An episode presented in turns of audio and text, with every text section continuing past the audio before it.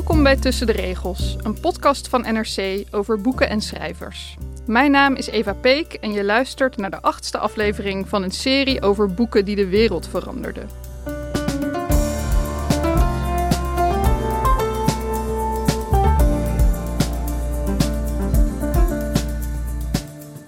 Critici waren niet onder de indruk van Atlas Shrugged, een heldenverhaal dat zich afspeelt in een dystopisch Amerika. Toch zijn er sinds de publicatie in 1957 ruim 10 miljoen exemplaren van dit boek verkocht. Het werk van de schrijver, Ayn Rand, spreekt vooral rechtse conservatieven aan. Rand geloofde dat mensen heroïsche wezens zijn die rationeel en egocentrisch zouden moeten opereren, met het eigen geluk als levensdoel. Met haar filosofie, het objectivisme, wilde ze de wereld veranderen. De roman leek haar de ideale drager van zo'n boodschap. Wie was Ayn Rand? Wat verklaart haar succes? En hoe is het om Atlas Shrugged nu als Europeaan te lezen? Ik bespreek het met NRC-redacteur en columnist Floor Rusman, die afstudeerde op Rand's werk. En voor de politieke duiding is hier ook Guus Valk, chef van NRC's Haagse redactie, de vaste stem van Haagse Zaken, en daarnaast voormalig Amerika-correspondent.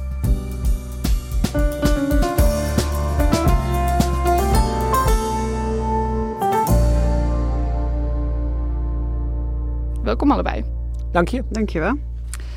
Floor, hoe kwam jij erop om uh, af te studeren op Ayn Rand? Nou, ik las een boek van uh, Hans Achterhuis, De Utopie van de Vrije Markt. En daarin heeft hij het over Ayn Rand. En uh, ik had nog nooit van haar gehoord, maar ik was wel geïntrigeerd... omdat ze qua ideeën zo ver afstaat van ja, de Europese mainstream, zou ik maar zeggen. En ik ben sowieso altijd heel erg geïnteresseerd geweest in mensen wier ideeën heel ver afstaan van die van mijzelf tot dan toe was ik eigenlijk vooral in conservatisme. Uh, had ik me in conservatisme verdiept voor mijn studie. Maar dit is weer iets heel anders, namelijk een radicale vrije marktdenker. Ik zocht nog een scriptieonderwerp, toen dacht ik, uh, dit is ideaal. En wat heb je toen precies onderzocht? Um, nou, voor mij was de grote vraag, waarom was zij in uh, Amerika zo ontzettend populair en in Europa eigenlijk niet echt? Want in Amerika waren inderdaad miljoenen van haar boeken verkocht. En in 1991 bleek uit een poll dat Atlas Shrugged na de Bijbel het meest invloedrijke boek was. Dat zeiden de Amerikanen dus. En in Europa was dat helemaal niet gebeurd. En mijn, uh, wat ik dan in de scriptie schrijf, is dat het komt omdat ze in die boeken het kapitalisme en haar ideologie van individualisme als iets typisch Amerikaans beschrijft. En eigenlijk is Europa dus wel helemaal opgegeven, maar Amerika is een beetje het enige vrije land op aarde. Guus, wat was jouw eerste kennismaking met Rand? Waarom ging jij haar lezen? Ik was uh, zeven jaar uh, correspondent in de Verenigde Staten tussen 2011 en 2018. En um, heb heel vaak over haar gehoord. Ik ging altijd, ik had de gekke gewoonte wat Floor ook heeft. Uh, om een fascinatie te ontwikkelen voor, voor rechtse types. Um, en ik ging altijd elk jaar naar CPAC, Conservatief Congres. Uh, dicht bij Washington. En daar komen alle, nou, iedereen die iets voorstelt in conservatief Amerika, komt daar spreken of komt er naartoe. Het heeft iets carnavalachtigs. Iedereen komt ook helemaal uitgedost daar en zo. En um, ik heb daar een keer een uh, soort van sessie over het werk van Ayn Rand meegemaakt. En sindsdien viel me op dat die naam zo vaak viel. Dus uh, Paul Ryan, de toenmalige leider van de Republikeinen in het uh, Huis van Afgevaardigden, die noemde uh, haar ook heel vaak in zijn toespraken. En ehm, het verhaal ging, en dat klopt ook wel, dat hij haar boek Atlas Shrugged, waar we het dan nu over hebben, als relatiegeschenk altijd uitdeelde. Van kijk, hier staat in wat ik eigenlijk vind. Dus ik was eigenlijk gewoon benieuwd van hoe is, dat, uh, hoe is het mogelijk dat een, een, een roman van 1100 pagina's, ik heb hem gekocht op een tweedehands uh, boekenmarkt, met blauwe kortingsticker erop nog, 1100 pagina's, hoe is het mogelijk dat zo'n boek, uh, behoorlijk onleesbaar, ik ben geen literatuurcriticus, maar vind dat wel, hoe komt het dat het zo invloedrijk is en zo vaak, ja dat dweperige ermee vond ik ook interessant. Waarom dweepte iedereen er zo mee? Um, en zo is eigenlijk die interesse ontstaan. En je eerste leeservaring was dus of je eerste indruk was een totaal onleesbaar boek. Ja, ja, nou ja. Uh, ik, ik ben niet vies van zeg maar, een dik boek op zijn tijd. Maar een onnodig dik boek kan ik echt niet uitstaan. dat vond ik in dit geval uh, wel. Het is natuurlijk ook. Het is, ja, goed, het, het is heel um, uh, prekerig. Het doet me denken aan, je hebt van die communistische literatuur, weet je wel, uit de jaren zeventig, of, of christelijke literatuur. Um, waarbij de wereldvisie voorop staat en de artistieke waarde erachteraan hobbelt. En dat had dit voor mij ook een klein beetje. Vond jij het ook onleesbaar? Um, ja, ik, ik, denk wel, de reden dat ik het heb uitgelezen was dat ik er mijn scriptie over wilde schrijven. En dacht, dan moet ik het wel gelezen hebben. Um, ja, het is... Kijk, ik snap wel wat er aantrekkelijk aan is, want het heeft ook wel iets meeslepends. En het is allemaal heel erg, ehm, alles ligt er heel dik bovenop en is heel erg zwart-wit en je hebt helden en sukkels en zo. Ja, als, als literair werk faalt het op alle vlakken. Het is gewoon, het herhaalt zichzelf voortdurend. De personages zijn compleet ongeloofwaardig en heel erg eendimensionaal. Dus in die zin uh, heeft het iets heel lachwekkends, het absoluut niet actief humoristisch is. Want ze is juist heel erg drammerig en humorloos. Hm. Voordat we dieper het boek induiken, even over haar. Ik hoor jullie al zeggen Ayn Rand. Spreek ik het verkeerd uit? Is het Ayn Rand in plaats van Ayn Rand? Ik hoorde in Amerika altijd Ayn Rand, maar er is ook wel debat over, geloof ik, hoe je haar naam uitspreekt, toch Floor? Um, nou, ik heb me al een tijdje niet meer in die debat verdiept, maar ik heb gewoon besloten dat ik in het Eindkamp zit. Okay. Eindkamp. Ja. Zit, Eindkamp zit ik nu ook in. Okay. Dus ook ehm, alles is controversieel in haar. Zelfs de uitspraak van haar naam is, al, is alweer een debat waard. Ja, Word je toch moe van, wie, wie was zij nou precies? Um, ja, zij is geboren in, uh, in Rusland uh, in, in, 1905 uh, eh, in een best wel welgesteld gezin. Haar vader was ondernemer, die had een winkeltje. En in de Russische revolutie is ze dat kwijtgeraakt. En toen heeft zij, daar heeft ze een levenslange haat jegens het communisme aan overgehouden. En zij is uiteindelijk als enige in haar gezin naar de VS gevlucht.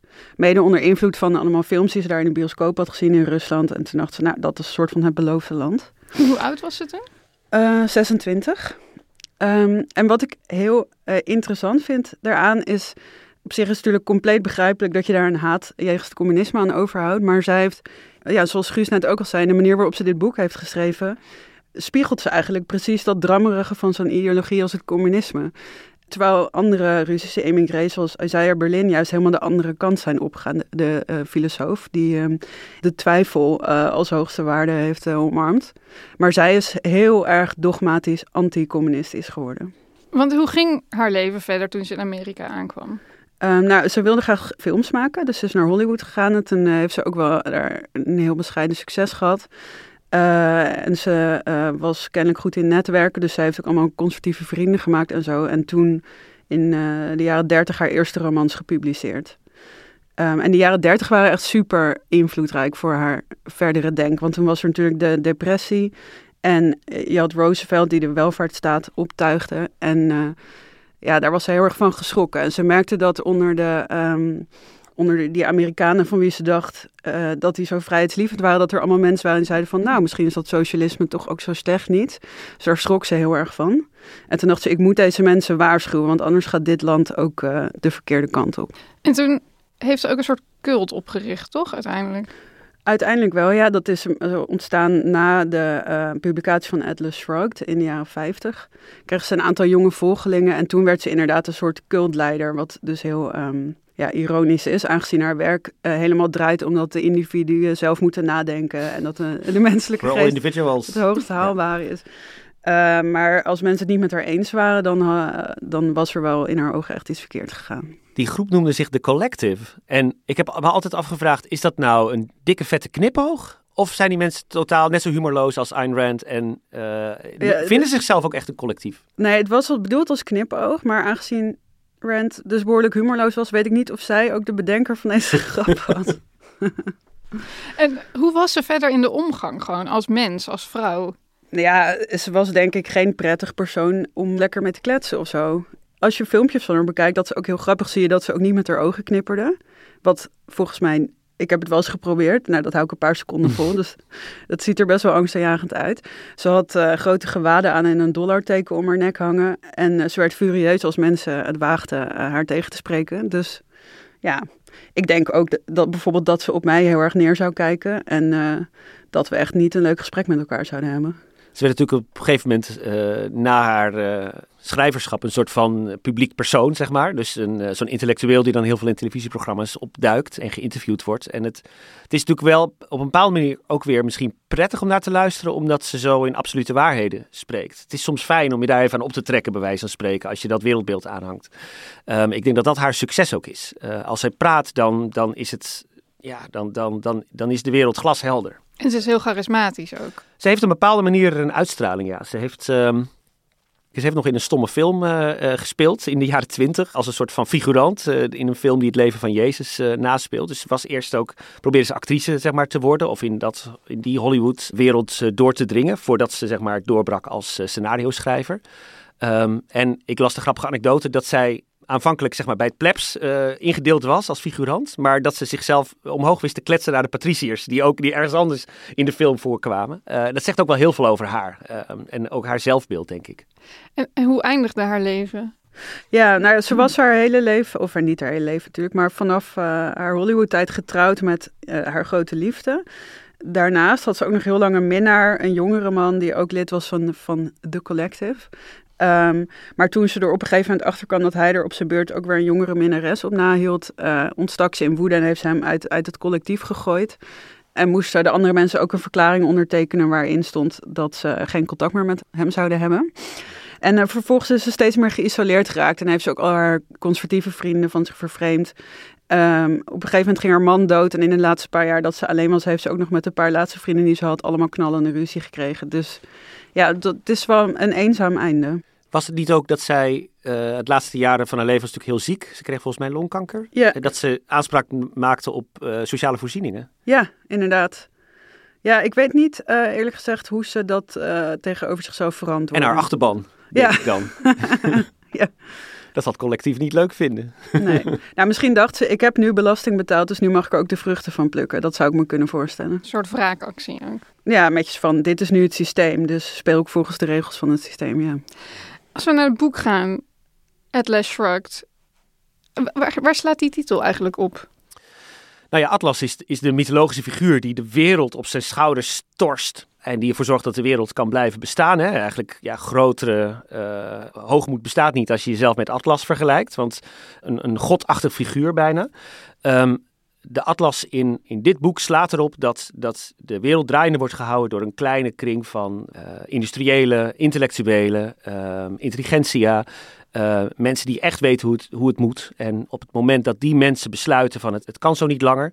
Ik gooi de wereld van mij af, dan is de wereld verloren. Dit, dit zijn de mensen die de wereld draaiende houden. Daar wat, slaat Atlas op. En wat betekent het dan als Atlas shrugged? Nou, in het boek gaan die mensen die Guus nu beschrijft in staking. Um, dus het is eigenlijk een beetje het omgekeerde van nou ja, wat je nu op veel plekken ziet, dat juist slecht betaalde mensen zoals vuilnismannen in staking gaan. Uh, in Atlas Shrugged gaan juist de rijkste mensen die in Ayn Rand's oog voor, ook voor de grootste welvaart in de maatschappij zorgen, in staking. Die trekken zich terug in een vallei die helemaal van de buitenwereld is afgesloten. En dan begint het land langzaam te verkruimelen. En dan komen de mensen erachter dat ze helemaal niet zonder die genieën kunnen. En dan smeken ze ze om terug te komen. Die 1100 pagina's, wat zijn de hoofdpersonen? Wat gebeurt er uh, in? Wat is de plot? Nou, er zijn uh, best wel veel hoofdpersonen. en ze lijken ook uh, allemaal op elkaar. Ja, het zijn dus, allemaal industriële. En, ja. Ja. ja, eigenlijk heb je gewoon twee archetypen. En dan ken je ze allemaal wel. Je hebt de, ja, de helden, dus de genieën, die zich uh, dan op een gegeven moment één voor één allemaal terugtrekken. en de aanvoerder van is John Galt. Die heeft zich als eerste teruggetrokken. En dat zijn allemaal mensen die en geniaal zijn en iets geweldigs kunnen, zoals een, een nieuwe metaalsoort ontwerpen waarmee spoorlijnen kunnen worden gemaakt en dat soort dingen. Maar die ook goed zijn in alle andere dingen. Dus ze kunnen bijvoorbeeld ook heel goed hamburgers bakken en ze kunnen ook allemaal een vliegtuig besturen op de een of andere magische wijze. en op een gegeven moment dan gaat die John Galt, die gaat dan een radiotoespraak houden en dan staat er ook van ja, er was een stem te horen die al decennia niet meer op de radio te horen was geweest. Dus ze hebben ook nog eens geweldige stemmen. En aan de andere kant heb je een soort minkukels die eigenlijk en helemaal niks kunnen en ook nog eens helemaal de verkeerde mindset hebben. Want die zijn er alleen maar op uit om de vruchten van de arbeid van die anderen weg te zuigen, zeg maar. En die hebben ook allemaal een beetje misselijkmakende namen zoals Belle Bank en Wesley Mouch. En dat je meteen weet, dit is, dit is verkeerd. En, wat is de sfeer van het boek, Guus? Um, wat, wat mij heel erg uh, destijds als lezer opviel, is dat er geen karakterontwikkeling eigenlijk in zit. Dus wie in een bepaald kamp zit, blijft in dat kamp en ontwikkelt daar ook niet in. Er is ook geen twijfel. Dus wat het boek van zichzelf al heeft, is dat het dus heel erg statisch is. Dus bijna twee standbeelden of zo die tegen elkaar aan praten. Zo zijn heel veel dialogen ook, vind ik. En de plotlijn is er natuurlijk, hè, is er natuurlijk wel, want het wordt dan spannend van wat gaan die uh, industriële en intellectuelen doen? Gaan ze, gaan ze ook in staking? Um, gaan ze John Galt volgen? Maar, maar, maar dit is dus heel erg de sfeer van het boek. Het is, het is uh, prekerig, er is heel veel ruimte voor, voor, voor de dialoog of een monoloog. Hè. Denk aan die radiotoespraak uh, die jij net noemde, Floor. Die is geloof ik 60 pagina's lang. Ja. Uh, ononderbroken, hè. dus één lange tekst. Waarin eigenlijk wereldbeeld van uh, Ayn Rand uiteen wordt gezet. Hè, in de vorm van een radiotoespraak. En, en dat vind ik ook heel erg de, de, de, het boek typeren, de sfeer van het boek typeren. Dat het denken, het, het objectivisme, het, het wereldbeeld dat zij aanhangt, is heel erg de motor van het verhaal. Dus John Galt moet wel 60 pagina's nemen, want dat, dat objectivisme moet helemaal uitgelegd worden. Dus ja, het is een politiek pamflet in de vorm van een roman. Kan jij een stukje voorlezen, Floor, dat we een beetje gevoel krijgen van hoe dat klinkt? Um, ja, ik heb een stukje ik heb een stukje gekozen uit een speech van een andere held, uh, Francisco D'Anconia. Die heeft een kopermijn. En die uh, heeft een speech gehouden dat ook nog op internet circuleert onder The Money Speech. Zo heet hij, want hij schrijft dan over geld en waarom geld zo belangrijk is. Een lofzang op geld is het. Tot eer en glorie van het mensdom ontstond er voor de eerste en enige keer in de geschiedenis een land van geld. En dat is de hoogste, eerbiedigste lof die ik Amerika kan toezwaaien. Vanwege deze bestaansmiddelen, een land van gezond verstand, gerechtigheid, vrijheid, productie en prestatie. Voor de eerste keer kregen het menselijk verstand en geld de vrijheid en werden fortuinen niet vergaard door verovering, maar door werk. En in plaats van zwaardvechters en slaven verscheen de, echte maker van rijkdom, de meest geweldige werker, de hoogste soort van menselijk wezen, de self-made man, de Amerikaanse industrieel. Ja, dit is denk ik een beetje de kern van Ayn Rand's gedachtegoed eigenlijk. Het gaat natuurlijk niet alleen maar over geld, deze monoloog, maar het gaat ook over um, het menselijk verstand, wat volgens Ayn Rand het allerhoogste was wat er was. Ja, dus zelfstandig nadenken. Laten we even in dat denken inderdaad duiken. Wat, wat vindt zij nou precies? Wat is haar wereldbeeld? Ja, haar wereldbeeld is dat er maximale vrijheid moet zijn voor het individu. En uh, dat individu heeft dus volledige verantwoordelijkheid voor zijn eigen kunnen uh, en uh, voor wat hij van zijn leven maakt. Dus zij gelooft niet dat mensen op de schouders van reuzen staan of onderdeel zijn van een gemeenschap of hoe je dat ook allemaal wil noemen. Maar ja, mensen bepalen helemaal hun eigen lot. En zij ziet dus belastingheffing en de verzorgingsstaat als ja, dus een vorm van diefstal, waarbij altruïsme wordt afgedwongen en mensen dus niet meer op eigen benen hoeven staan. En de consequentie daarvan is dan ja, nogal naar, namelijk dat mensen die niet op eigen benen kunnen staan, die kunnen wat haar betreft eigenlijk gewoon wegrotten. Ja, het klinkt heel onaangenaam, een wereld waarin altruïsme zo wordt zwart gemaakt.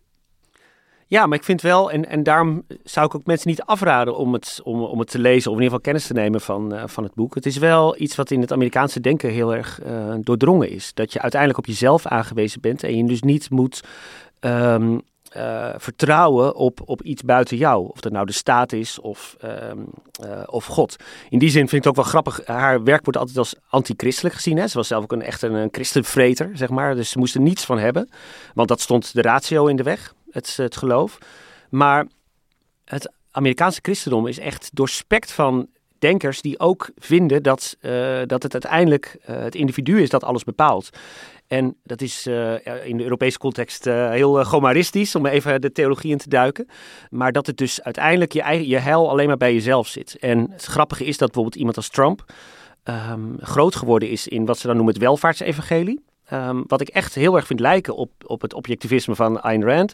In die zin dat uh, mensen die in het welvaartsevangelie geloven, denken dat het feit dat jij rijk bent, betekent dat God het goed met jou bedoeld heeft. En dat is dus uh, volledig jouw verdienste en het is de verdienste van God. Uh, zo verenigen Amerikanen zeg maar individualisme en, en het christelijk geloof. Dus in die zin is Ayn Rand ook best wel een een diep christelijk denker, zou ik bijna willen zeggen. En zegt het ook heel veel over, het, het, over hoe Amerikanen denken. De reden van haar populariteit, wil ik nog over zeggen, is denk ik dat wat ze eigenlijk doet, is egoïsme, zeg maar een soort moreel sausje te geven. Het is moreel juist om egoïstisch te zijn. En ik denk dat dat heel veel mensen aanspreekt, omdat ze denken van, het is natuurlijk niet leuk om wakker te worden ik ga lekker egoïstisch doen. maar als, je, als iemand jou vertelt van, nee, nee, maar dat is juist goed. Dat is juist prima, weet je wel. Het is juist het, het, het enige juiste wat je kan doen. Dat, is natuurlijk, dat geeft een fijn gevoel. Dus ik denk dat dat ook haar uh, succes een beetje verklaart. Is er dan in zo'n uh, boek als Atlas Shrugged ruimte voor uh, vriendschappen of voor liefdesrelaties? Als, je alleen maar, als die personages alleen maar aan zichzelf denken? Ja, want vriendschappen en liefdesrelaties kunnen natuurlijk heel goed in je eigen belang zijn. En zij is heel uh, positief over uh, volledig gelijkwaardige relaties waarbij je er alle, allebei wat uithaalt. En wat voor mensen houden hiervan? Want ik heb uh, een interview met Obama gelezen waarin hij zei: ja, dit is vooral heel erg iets voor, um, voor ongelijkte tieners. Ja, ik denk wel dat het heel erg, of relatief vaak aanslaat bij tieners, omdat het een heel erg zwart-wit wereldbeeld is. En tieners zijn nu eenmaal over het algemeen wat vatbaarder daarvoor, denk ik. Maar ja, op zich zijn er fans van alle leeftijden. En nou ja, dat vind ik niet zo, niet zo gek ook. Want het is weliswaar dus niet een uh, super subtiel boek. Maar ja, ik vond het toch wel heel meeslepend. En ik moet zeggen dat ik er ook wel gewoon voor een heel eind in mee kon gaan. Want die helden worden echt heel erg... Ja, je gaat echt helemaal met ze meeleven. Dan wordt op een gegeven moment, uh, dan wordt uh, die, die staalmagnaat, wordt het uh, patent op zijn staal ontnomen. En dan moet hij zijn geheim delen met de staat. En dan denk je echt, nee, dit kan toch niet? Wat, wat een onrecht. ja, ja, wat een onrecht. En ook, het is niet alleen onrechtvaardig, maar het is ook ondoelmatig. Omdat nou ja, het leidt ertoe dat de hele samenleving in elkaar stort. Dus je denkt, nou, het is toch hartstikke duidelijk dat dit niet uh, the way to go is. Dus daar kun je helemaal in meegaan als lezer. En ook omdat natuurlijk de losers in het boek zo verschrikkelijk zijn. En um, bijvoorbeeld op een gegeven moment dan is er een van die losers die zegt dan... Uh, er was ooit een tijdperk van de reden, maar dat zijn we ontgroeid. Dit is het tijdperk van de liefde. Allemaal van dat soort hele wege teksten. En dan, ja, dat is natuurlijk uh, super irritant. Kunnen we dan concluderen dat toch zo'n best wel heftige boodschap, zoals je moet nooit aan een ander denken, maar alleen maar aan jezelf, dat het uh, ook wel slim van haar is dat ze dat in een roman stopt, omdat je dan met die personages mee kan gaan leven en dat het misschien wat makkelijker te verteren is. Ja, ik denk dat dat een hele goede keus van haar was. En trouwens ook omdat ze geen andere optie had, want ze is als filosoof nooit serieus genomen. Ze is in Hollywood geflopt. Dus um, ja, dit was een beetje de weg die er nog was voor haar. Ze had ook nooit de politiek ingekund, want daar was ze veel te compromisloos voor. Uh, maar nog los van dat dit de enige optie was, denk ik ook dat het een hele um, effectieve optie was. Want op zo'n manier kun je echt inderdaad de harten en hoofden van mensen veroveren. Maar als ik het goed begrijp, zitten er dus geen enkele personages in die een bepaalde zwakte in zich hebben, zoals bijvoorbeeld een chronische ziekte of iets anders, die ze niet aan zichzelf te danken hebben. Nee, ja, dat is dus, uh, dat vind ik nog wel een van de interessantste dingen aan Atlas Shrugged. Dat is een soort ambiguïteit waar ze omheen loopt. Dus er komen bijvoorbeeld geen kinderen in haar boeken voor. Dat zijn natuurlijk de, uh, hoe heet het, de meeste afhankelijke mensen hier zijn. En je hebt een paar personages die weliswaar op zich het hart op de goede plek hebben. Of het hoofd op de goede plek eigenlijk. Uh, maar die gewoon niet zo getalenteerd zijn. Maar het lijkt wel alsof ze zelf ook niet weet wat ze daarmee moet. Want die een ervan die wordt doodgeschoten, een ander pleegt zelfmoord en een ander eindigt huilend in een verlaten treinwagon. Dus de boodschap is toch van ja, als je niet superveel talent hebt, dan loopt het helaas toch niet goed met je af. Je kan denken dat mensen hier hele rare uh, ideeën van gaan krijgen, politiek gezien. Laten we het even over haar nalatenschap hebben dan. Hoe, hoe was het eigenlijk toen het net uitkwam? Hoe, hoe reageerden mensen er toen op? Nou, de recensies waren vernietigend. En wat ik uh, begreep destijds was dat dat haar zo aangreep dat ze daarna ook nooit meer fictie geschreven heeft. Omdat ze gewoon schrok van de, de slechte recensies. Ja, het waren uh, niet zomaar slechte recensies, maar ze werd echt een nazi genoemd door meerdere mensen. Dus dat is natuurlijk ja, niet iets wat zij uh, graag wilde of nee. wat iemand graag wil. Nee. Maar politiek uh, sloeg het zekere zin wel aan, omdat het wel uh, de tijd was van, uh, Floor noemde het net al eventjes, van de burgerrechtenbeweging kwam natuurlijk ook op. de, de New Deal van de jaren dertig had zij als, als jonge vrouw natuurlijk meegemaakt, van Roosevelt. Er was een beweging gaande in de Democratische Partij, ooit de Partij van het Diepe Zuiden en ooit heel conservatief om meer te streven naar gelijke rechten voor burgers, meer naar te streven naar verzorgingsstaat. Allemaal nog wel babystapjes, maar het ging wel een bepaalde manier um, uh, best hard in de jaren uh, dat zij ook Atlas Shrugged uh, schreef. En zij vond dus aansluiting bij steeds conservatievere uh, types. Ze heeft zich aangesloten bij de campagne van Barry Goldwater in 1964. Die werd tot ieders verrassing de republikeinse presidentskandidaat, won de voorverkiezingen. Dat was een zeer radicale republikein die eigenlijk geloofde in herstel van de oude racistische structuur van het zuiden. Daar heeft ze heel veel propaganda over geschreven in haar eigen nieuwsbrief, zeg maar, in haar eigen tijdschrift dat ze destijds uitgaf. Um, op een gegeven moment brak dat, want haar ideeën zijn zo um, recht toe recht aan en, en dat, dat matcht helemaal niet met de politieke wereld. Ze vond de politiek ook zo plat als een dubbeltje. Ze schreef wel één uh, terechte observatie dat als je, de, als je wil dat mensen iets over politieke theorie leren, moet je alles doen behalve in een verkiezingsjaar je bij een presidentskandidaat aansluiten. Want dan, dan is het alleen maar oogkleppen op en gaan. Dus dat was geen succes. Maar um, zij heeft heel veel aansluiting gevonden bij de conservatieven van destijds. En interessant genoeg heeft ze die beweging daarna ook heel erg beïnvloed. Ook in de tijd dat ze al lang niet meer uh, de ambitie had om daar iets mee te doen. Ja, want ik herinner me dat nog niet zo heel lang geleden uh, zij even echt een soort opleving had. Toen in de tijd van Paul Ryan en de Tea Party. En jij zat toen in de VS, ja, toch? Ja, dat was de tijd van Obamacare. Um, toen Obama uh, president was en een soort van collectieve zorgverzekering aankondigde. De economische crisis zat daar vlak voor en de, de, de financiële crisis. Dat was natuurlijk ook een hele, heel groot uh, schok voor Amerika. Maar die twee elementen maakten dat, uh, dat, dat de, de, de grond heel vruchtbaar was voor een denker als Ayn Rand, waar wit-wit is en zwart-zwart.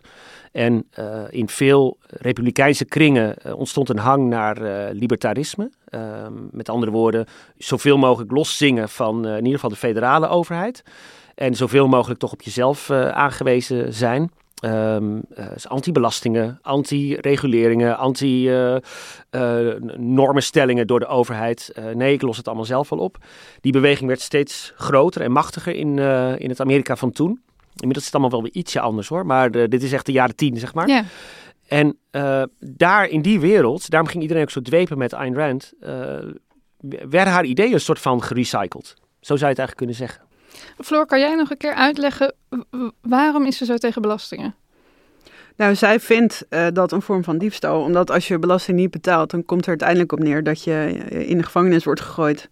Dus ja, het is dwang en er wordt je iets ontnomen dat van jou is. En daar zijn heel veel Amerikanen het ook helemaal mee eens. Hè? Dus, ja. Uh, ja. dus, dus dat is helemaal geen radicaal standpunt eigenlijk. Ja, en in, in haar uh, ideale wereld worden er dus geen belastingen betaald en doet de overheid ook bijna niks, behalve defensie en ja, gewoon politie. Dus gewoon ordehandhaving. Dat kost natuurlijk ook geld, maar dat zou dan moeten worden be betaald met giften. Want er zijn, er volgens haar filosofie altijd wel mensen die dan uit eigen belang uh, daar geld aan willen uitgeven. En uh, Guus, jij zei het net al even, het, is, het lijkt nu weer een beetje tanende. En inderdaad, je had natuurlijk zo'n figuur als Paul Ryan. Dat was ooit een beetje de kroonprins van de Republikeinse Partij. Die, is, ja. die lijkt de, de ideologische strijd volledig verloren te hebben. Hoe, hoe verklaar jij dat? Um, ja, dat heeft met een paar dingen te maken. Ook omdat uh, veel Republikeinen vonden dat, uh, dat Paul Ryan daar niet consequent in was. Want dat was natuurlijk wel een beetje een nep-libertair. Hij, uh, hij deed alsof, zeg maar. Um, dat was de tijd dat Ron Paul, de vader van Rand Paul, die nu nog steeds heel actief is, heel populair werd. En, en dat was wel echt een consequente libertair. En wat die Republikeinen aan de top deden, was eigenlijk een beetje ja, uh, die ideeën omarmen zonder er echt daadwerkelijk heel erg aan toe te willen geven. Dus ik denk dat mensen ook wel doorzagen dat het een beetje spel was. Um, het libertarisme bestaat natuurlijk nog steeds. Het is een hele actieve stroming. Ook niet per se alleen maar rechts of zo. Hè. Je hebt heel veel uh, links-libertairen in Amerika. Um, denk ook aan anarchisten bijvoorbeeld. Het is helemaal niet een uh, per se partijpolitieke uh, beweging. Maar ik denk wel dat uh, in een bepaalde manier, er wordt minder mee gedweept, maar het sociaal darwinisme van, uh, van uh, Ayn Rand, wat eigenlijk betekent dat, je, dat alles een race to the top is en dat als je het niet redt in het leven, dat het toch uiteindelijk een beetje je eigen schuld is, dat dat nog steeds heel erg op geld doet in Amerika. Daar is niet zo heel veel aan veranderd. Maar de Tea Party en die hele beweging over lage belastingen, ik heb het idee dat dat nu niet meer zo een, een onderwerp is, lage belastingen. Dat het veel meer toen ging daarna over immigratie en al die andere dingen.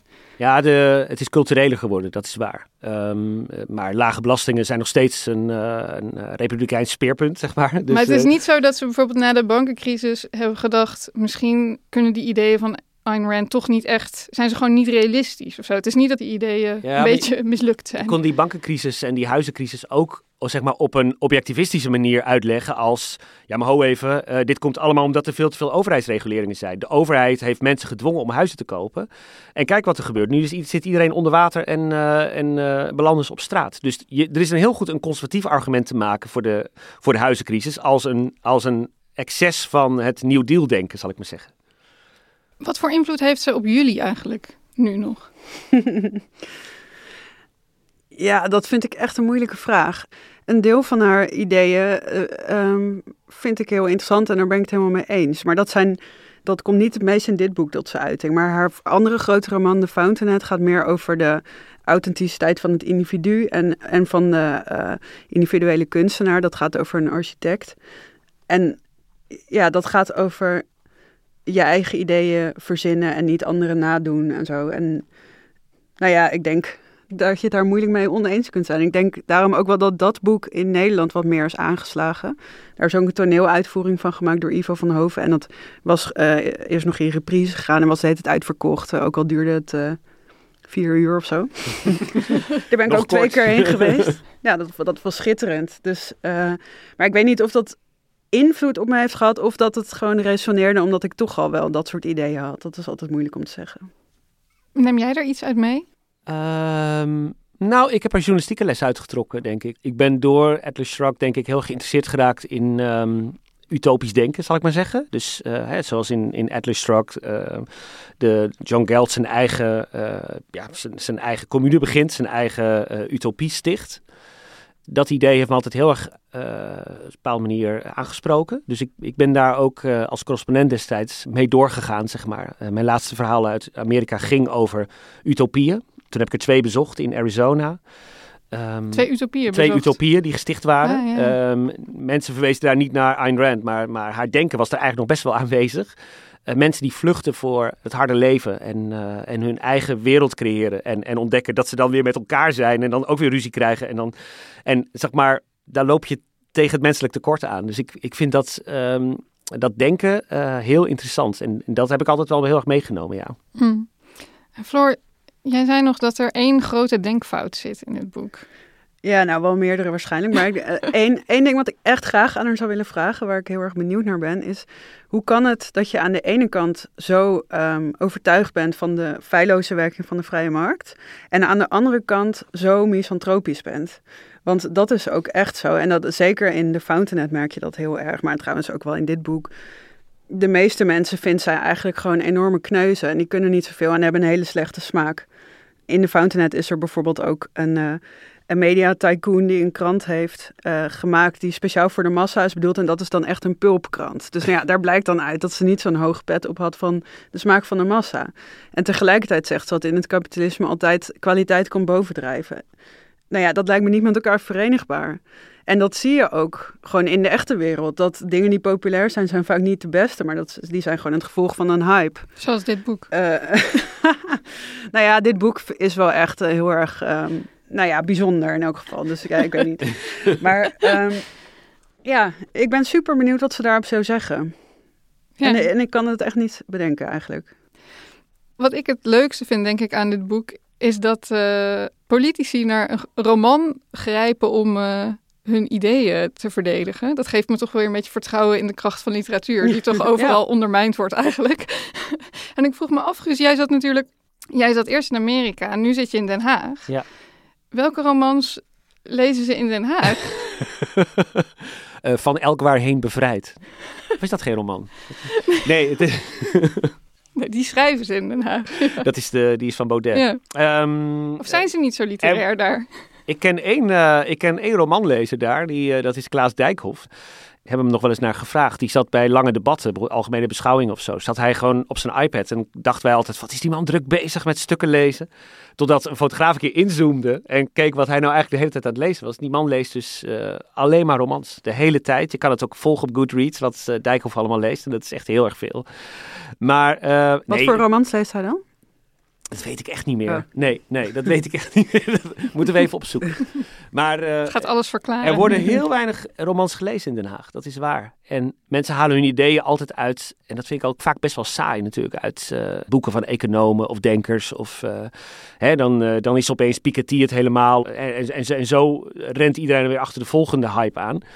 Maar ideeën ontstaan natuurlijk ook in romans. En ehm, eh, het liefst zou ik willen, maar dat is een kwestie van smaak, dat ze er wat minder dik bovenop lagen. Maar eh, een roman brengt je wel vaak op goede ideeën. En ook op goede politieke ideeën, zou ik zeggen. Ja, maar goede romans zijn misschien juist vaak niet zo dogmatisch. Nou, die laten wel ruimte voor twijfel. En Ja. dat, ehm, eh, dat heb ik nooit zo aan, aan Ayn Rand begrepen. Dat ze dus zo'n hyperrationeel persoon is. Eh, maar tegelijkertijd zo weinig ruimte liet ook voor debat of voor, ehm, eh, of voor een tegenargument. Weet je wel, dat, dat heb ik nooit helemaal bij haar begrepen. Want als je in de, in de ratio gelooft, eh, heb je ook andere mensen nodig om je geest te scherpen, lijkt me. Maar zij gelooft gewoon in dat er één waarheid is. En dat zij op, op magische wijze die ene waarheid helemaal weet te vatten. Ja, maar precies, maar dat is het. Maar iemand anders kan toch ook een deel van die absolute waarheid kennen dat, en dat jou aanreiken? Nee, maar ja, tenminste niet als dat deel in tegenspraak is met jouw verhaal. of met haar verhaal dus, specifiek. Ja, dat heb ik nooit helemaal kunnen, kunnen vatten. Als jullie het nou moeten samenvatten, Hoe, hoe heeft dit boek de wereld veranderd? Ik denk dat je dat onmogelijk kunt zeggen. Tenzij er iemand is die zegt: Ik heb dit boek gelezen en daarna ben ik de politiek ingegaan en heb ik deze en deze wet uh, door het parlement uh, geloodst of zo. Um, vaak is invloed van ideeën veel moeilijker te meten. Maar ik denk wel dat het heel erg heeft geholpen bij het verspreiden van uh, ja, die, die vrije marktideologie ik merkte dat gewoon bij mezelf. Dat toen ik het las, dat ik echt wel best wel into haar verhaal was. En pas later dan weer dacht, oh ja, misschien zijn er ook wel wat dingen tegen in te brengen. Ja. En zo is dat natuurlijk bij miljoenen mensen gegaan. Ik vind het ook een lastige, omdat ik niet weet of het boek de wereld echt heeft veranderd. Ik denk wel dat het een deel van de wereld uh, geopenbaard heeft, zal ik maar zeggen. Um, in die zin is de invloed misschien nog veel groter. Het laat een bepaalde manier van denken zien die uh, heel sterk aanwezig is in Amerika vrijwel niet in Europa. En uh, die manier van denken is moeilijk te vatten. Maar ik denk als je dit boek leest, dat je een heel eind komt. En dat is denk ik ook uh, misschien dan wel de invloed. Ik kan het niet met data staven, maar de invloed geweest in de afgelopen decennia. Dat mensen er misschien een inkijkje in Amerikaans denken hebben gekregen.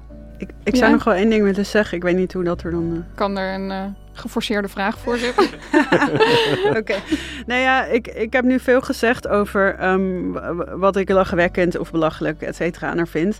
Maar er zijn ook echt wel dingen in haar manier van denken die ik heel erg aantrekkelijk vind. En die ook wel, denk ik, altijd relevant zullen blijven.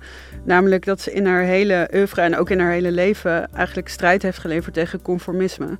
Ja. Um, en ze laat bijvoorbeeld ook heel erg in Atlas Shrugged zien hoe allerlei overheidsdienaren met een soort wegen newspeak hun ware uh, motieven verhullen en elkaar allemaal napraten. Uh, en daar ging zij keihard tegen in. En ook wel ja, deels geholpen door een nogal onverzoenlijke persoonlijkheid. Ze was niet echt bang om vijanden te maken. Maar ik vind dat wel inspirerend. Dat er mensen zijn die in hun eentje zo opstaan tegen nou ja, een hele muur van mensen die allemaal hetzelfde zeggen. Ja. Dus hoewel we begonnen met de vaststelling dat het redelijk onleesbaar is, is het toch omdat het een bepaalde wereld ontsluit, een manier van denken en omdat het toch ook wel inspirerend non-conformisme is, toch wel echt een aanrader. Ja, vind ik wel. Je moet er wel even doorzetten, maar ik denk wel echt uh, dat je er wat voor terugkrijgt. Dank jullie wel.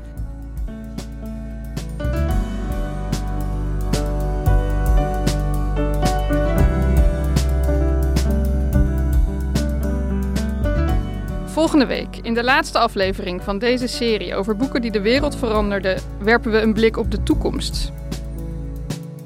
Je luisterde naar een podcast van NRC. Deze aflevering werd gemaakt door Janne Geerke. Tot volgende week.